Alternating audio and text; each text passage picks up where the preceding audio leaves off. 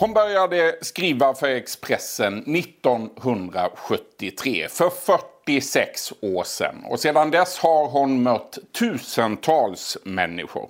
Det har dessutom blivit ett 20-tal böcker. 2016 fick hon Lukas Bonniers stora journalistpris och just nu är hon högaktuell som deltagare i På spåret tillsammans med sin son Jonathan Unge. En tävling som hon vann för övrigt redan 1995 för 24 år sedan. Varmt välkommen till den här intervjun Cecilia Hagen. Tack snälla Niklas. Inte för att jag vill vara korrigerande. Men det var 2006 jag fick journalistpriset och inte 16. Men det är ju så att time flies. Så jag förstår att du sa 16. Åren går och det förvånar mig att du inte har fått mer än ett stort journalistpris. Tack ska du ha.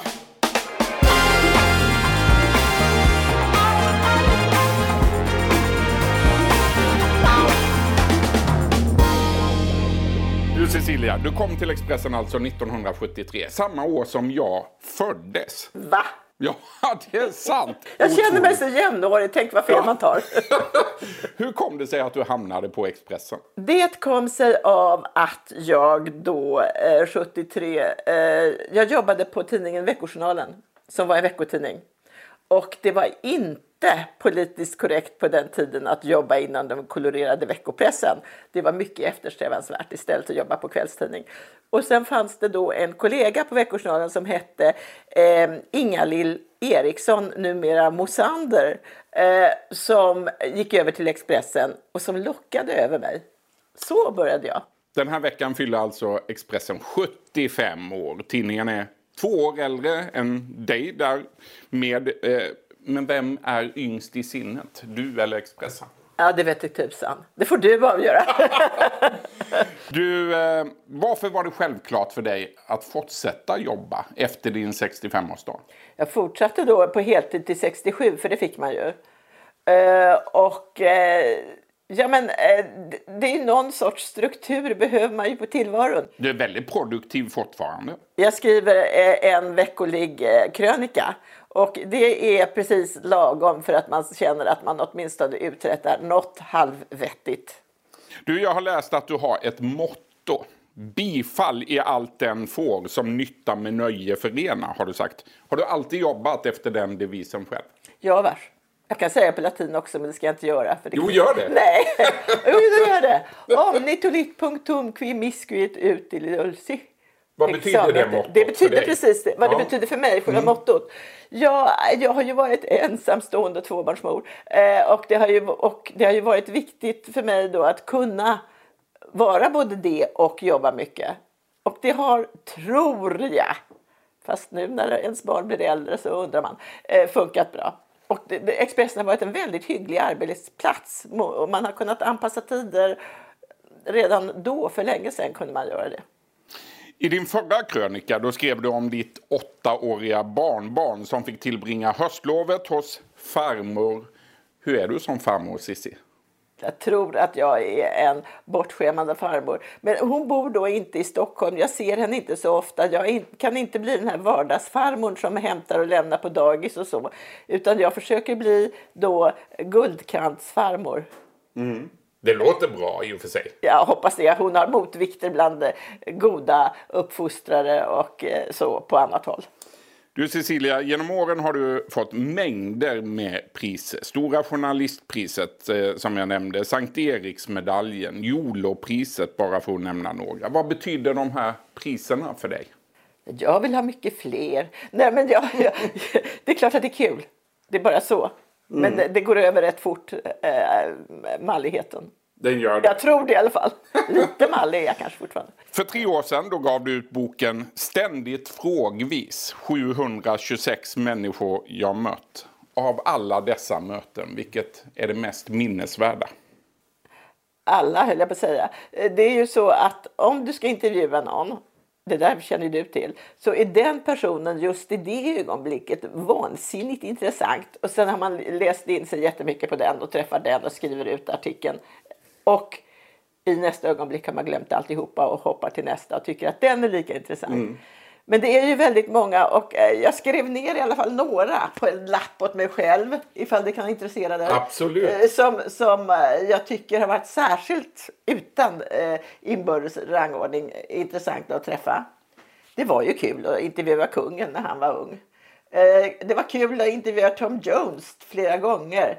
Clint Eastwood, Günther Wallraff om ni vet vem det är. Absolut. Han visade sig vara en ytterst eh, knasig men rörande person. Dalai Lama eh, och en, Richard Branson tyckte jag var helt fantastisk På vilket varför då? Han var sådär som man alltid har fått höra att eh, Clinton och sådana är. Eh, nämligen eh, får en att liksom, känna sig utvald och enormt lyssnad på och viktigast i världen. En charmerande person. Ja, med karisma. Och, Mm. ja, det där är en jättebra egenskap, tror jag, att komma långt med. Verkligen. Yoko Ono, Astrid Lindgren förstås, som Mm. ju var Expressens egen nästan på den tiden. Fantastiska Astrid Lindgren. Ja, Anita Ekberg, hon var lite knall hela tiden. Eh, tre James Bondar har jag intervjuat genom åren. Vilka? Sean Connery förstås och Pierce Brosnan och eh, Roger Moore. Och vilken av Jättekul. dem är den bästa Bonden då? Ja, det är ju förstås Sean Connery. Roligaste som person var nästan Roger Moore. Han var väldigt skojig. Sådär, brittisk skojig. Flest gånger har jag träffat Marit Paulsen. Eh, och sen finns, ja, det räcker nästan. Eller vad säger du? Vilken lista! Ja, Wow. den kan bli väldigt mycket längre och du har säkert en egen eh, Ja, men- minst lika lång. Fantastiskt. I våras då skrev du en eh, ironisk krönika i Expressen om eh, att din ambition var att bli farmor till en influencer. Hur kommer det? Då kommer det automatiskt att strömma guld, rökelse och myrra, presenter och mutor i långa banor, konstaterade du. Och sen frågade du, vart är vi och världen på väg och hur ska allt detta sluta?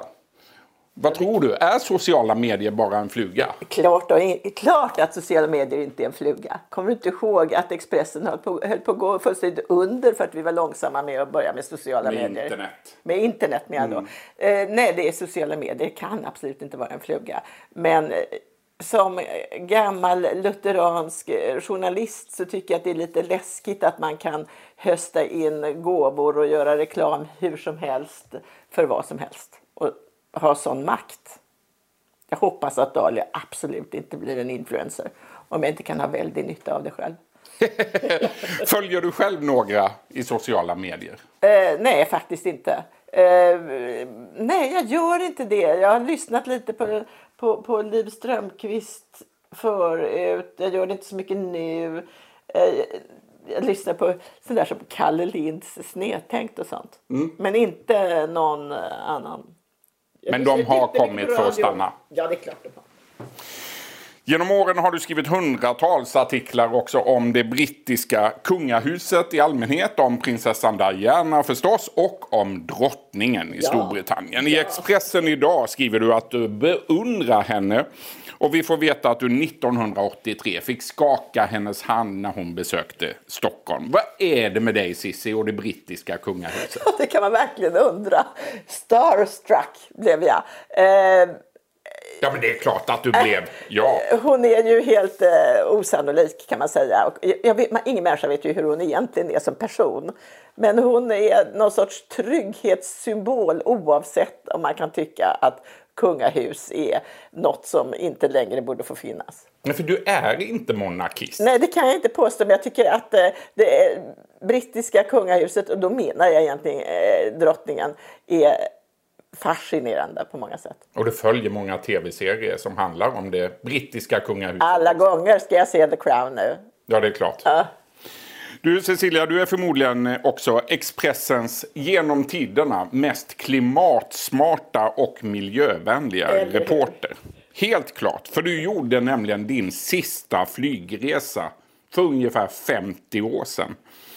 Första gången du satte dig i ett flygplan har du berättat, då var du 15 år gammal. Du skulle flyga till Asien, Bangkok tror jag att Ja, det var. som ingen människa hade varit i. Nej, och din pappa Tord Hagen, han var ambassadör i Asien vid den tiden. Och det var en riktig skräckupplevelse har du sagt. Vad var det som hände? Det alltså, hände absolut ingenting. Eh, och ingen annan skulle tycka att det var en skräckupplevelse. Det var inget som hände med flygplanet. Det var bara det att eh, jag tror att jag har kontrollbehov. Jag tror att jag inte litar på piloter och flygplan. Och därför har du inte flugit Nej. de senaste 50 åren? Nej. Idag väljer ju många bort flyget av klimatskäl och det talas om flygskam. Men är det det du tänker på när du avstår flyget idag? Det kan jag inte påstå.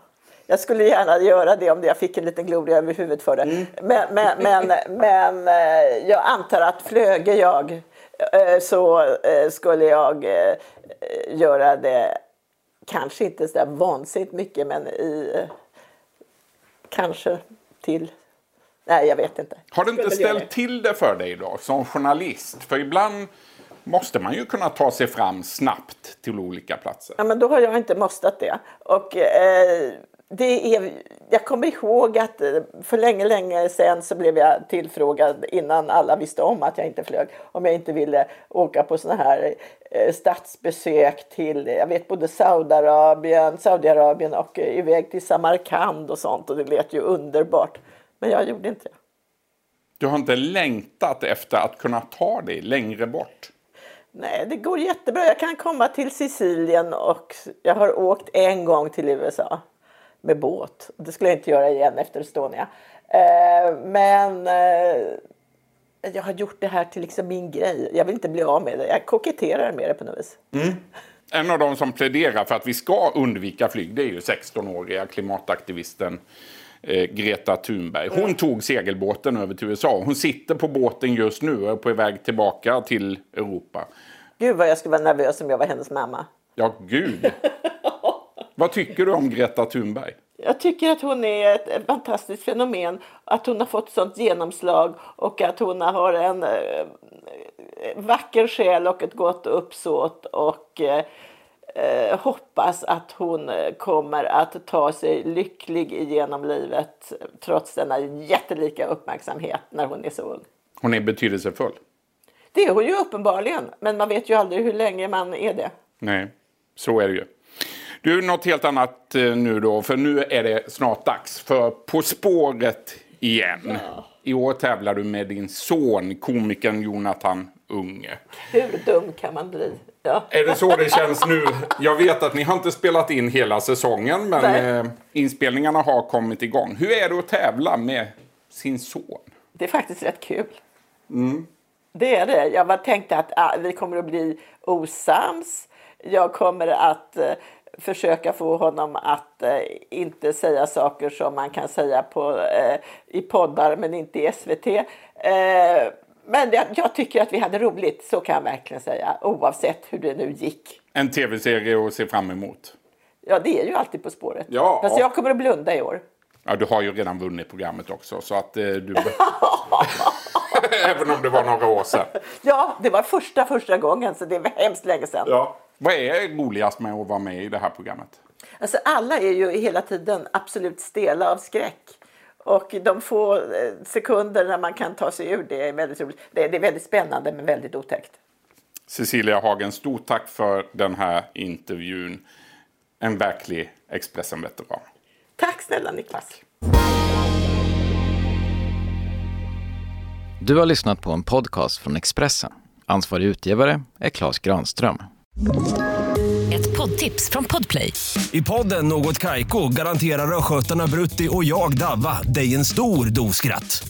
Där följer jag pladask för köttätandet igen. Man är lite som en jävla vampyr. Man har fått lite blodsmak och då måste man ha mer.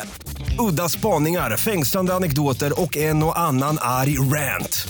Jag måste ha mitt kaffe på morgonen för annars är jag ingen trevlig människa. Då är du ingen trevlig människa, punkt. Något Kaiko, hör du på Podplay. Därför är gardinerna.